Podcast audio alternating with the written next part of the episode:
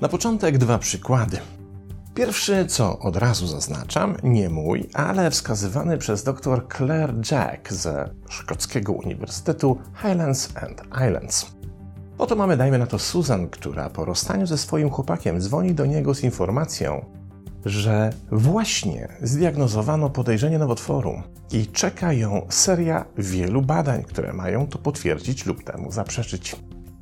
Jednak badania będą trwały jakiś czas, więc czekają osobisty dramat i bardzo ciężka życiowa sytuacja.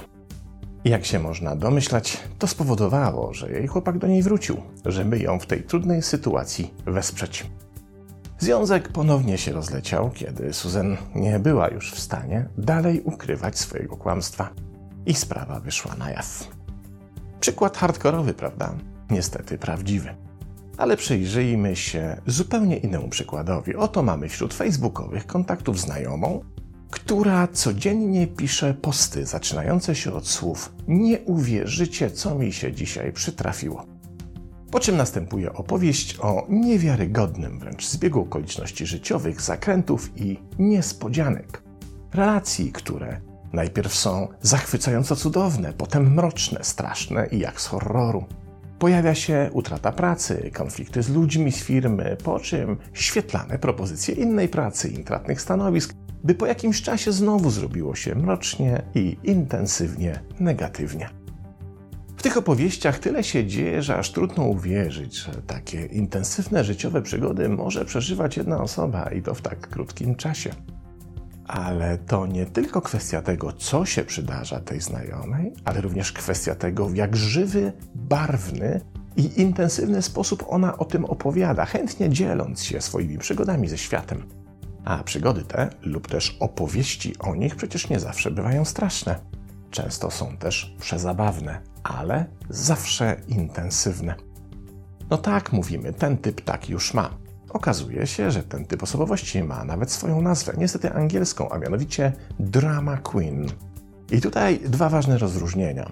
Po pierwsze, osobowość spod znaku Drama Queen to nie ta sama osobowość, którą omawiałem w odcinku 61 w kontekście teatralizacji i tendencji do wykazywania cech osobowości histrionicznej.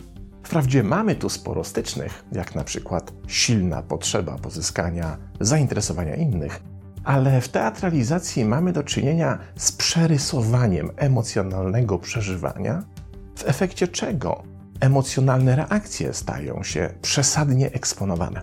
Tutaj zaś mamy do czynienia ze zwracaniem uwagi innych na życiowe sytuacje, z których drama queen, jak sama nazwa wskazuje, czyni dramat, sama zaś usadawiając się w głównej roli ofiary tego dramatu, przy czym dramaty te nigdy nie występują pojedynczo, a zdarzają się zazwyczaj w naprzemiennych cyklach.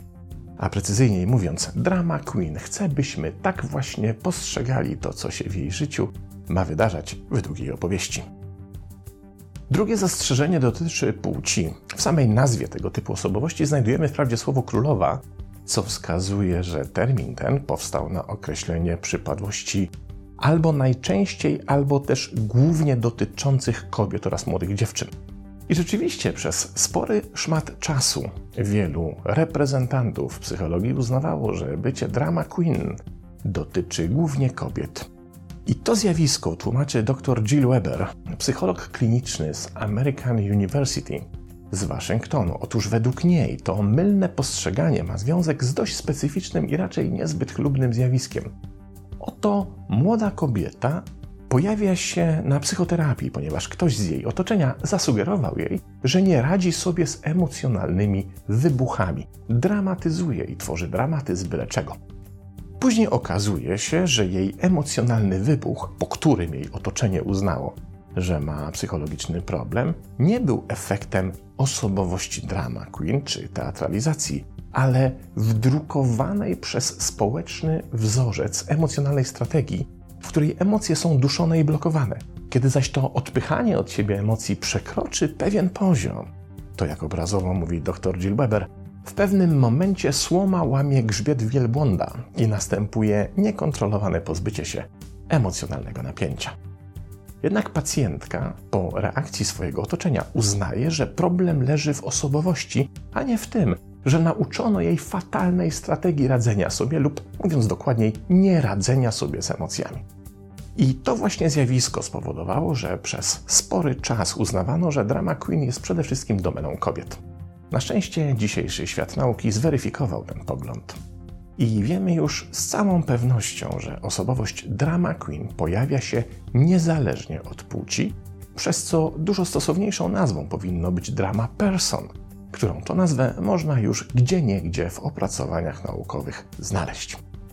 Okazuje się, że drama person można rozpoznać po kilku cechach. Po pierwsze, zarządza nią potrzeba zwrócenia na siebie uwagi, która może mieć oczywiście wiele różnych źródeł, od tendencji narcystycznych, począwszy, a na traumach dzieciństwa, jak brak zaspokojenia potrzeby akceptacji, czy też wczesne doświadczenia odrzucenia, skończywszy.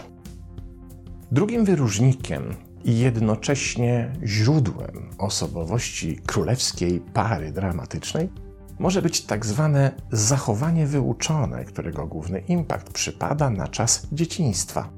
To sytuacja, w której jako dzieci wzrastamy w rodzinie, w której właśnie dramat odgrywał centralną rolę.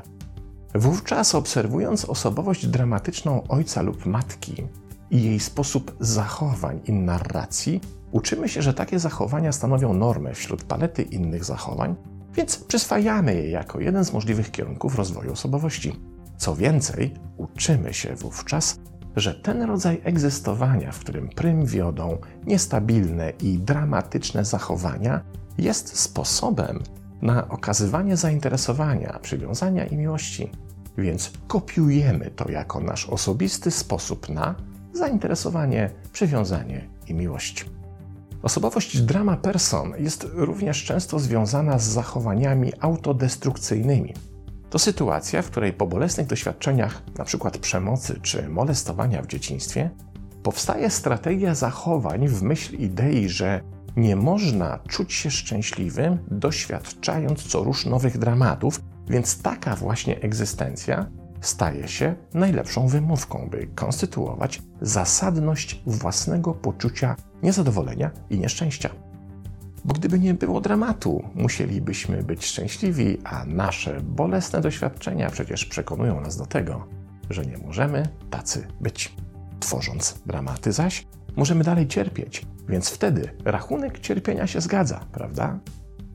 Kolejnym wyróżnikiem tego typu osobowości jest tendencja do manipulacji i kontroli. Zamiast być szczerym i otwartym w stosunku do innych, można ich wciągnąć w dramat, bo dzięki temu po pierwsze zyskujemy ich zainteresowanie, a po drugie to my zaczynamy kontrolować relacje, na przykład przez wytworzenie w innych poczucia winy. I dokładnie ten mechanizm pokazywał przykład Susan i jej chłopaka z praktyki dr Claire Jack. Badacze wskazują kolejny czynnik to podniecenie, rozumiane tutaj jako wzrost adrenaliny, który towarzyszy tworzonej w dramacie emocjonalnej kolejce górskiej. Do tego dochodzi jeszcze efekt hollywoodzkiego superbohatera, któremu przecież w ciągu półtorej godziny filmu przytrafia się tyle, co innym przez całe życie. Więc siłą rzeczy, by obsłużyć ten szybko zmieniający się scenariusz dramatu, trzeba sobie jakoś poradzić a bez adrenaliny ani rusz. Cały powyższy system cech rozpoznawczych, tzw. Tak drama person, na tyle zainteresował świat nauki, że zaczęto mu się dużo bliżej przyglądać oraz dedykować temu zjawisku poważne badania naukowe, np. te na Uniwersytecie Teksańskim. Okazało się, że osoby te, tu cytuję, na ogół prowadzą chaotyczne życie i powodują wymyślne kryzysy rodzinne przyjaciołom i współpracownikom. Mają też zwykle długą historię nieudanych związków, wyszukują konflikty w miejscu pracy i mediach społecznościowych, ale nie tylko angażują się w plotkowanie o innych. Przede wszystkim same narzekają, że są przedmiotem plotek. Wydaje się, że świat im się przytrafia. W efekcie badań nad tego typu osobowością naukowcy stworzyli test pozwalający odróżnić drama person od innych zaburzeń osobowości jak makiawelizm, niekliniczna psychopatia czy borderline oraz, o czym już mówiłem, histrionicznego zaburzenia osobowości. Nie będę przytaczał tego testu, bo sam mam delikatnie mówiąc raczej chłodny stosunek do wszelkich maści testów, ale dla zainteresowanych zamieszczam link do testu pod filmem. Jak zatem sobie poradzić z osobowością drama person? Otóż nie ma innej drogi niż ta, która wiedzie przez autoświadomość. Zazwyczaj niestety bywa tak, że to otoczenie takiej osoby dostrzega problem, a nie ona sama. Nie da się jednak poradzić sobie z czyimś problemem, jeśli ten ktoś uważa, że problemu nie ma. Jeśli jednak drama person odkrywa tę przypadłość u samej siebie, zauważa, że jej sposób aktywności wyczerpuje znamiona korzystania, świadomego lub nie, z zasobów takiej osobowości, to dopiero ta autoświadomość otwiera drzwi do efektywnej pracy nad zmianą tego stanu. Dopóki zaś ta autoświadomość się nie pojawia lub jest jedynie udawana, by móc tworzyć i uczestniczyć w kolejnym dramacie, tyle że teraz pod nazwą Nie uwierzycie, co mi się dzisiaj przytrafiło. Byłam czy byłem na terapii i to Wam muszę opowiedzieć, bo to się na pewno nikomu innemu nie mogło przytrafić. To niestety szanse na zmianę topnieją jak śnieg w maju. Kiedy zaś pojawia się autoświadomość i potrzeba zmiany, by w końcu przestać zadręczać siebie i przy okazji wszystkich dookoła, to na szczęście istnieje spora liczba narzędzi terapeutycznych, by z taką zmianą sobie poradzić. Pozdrawiam.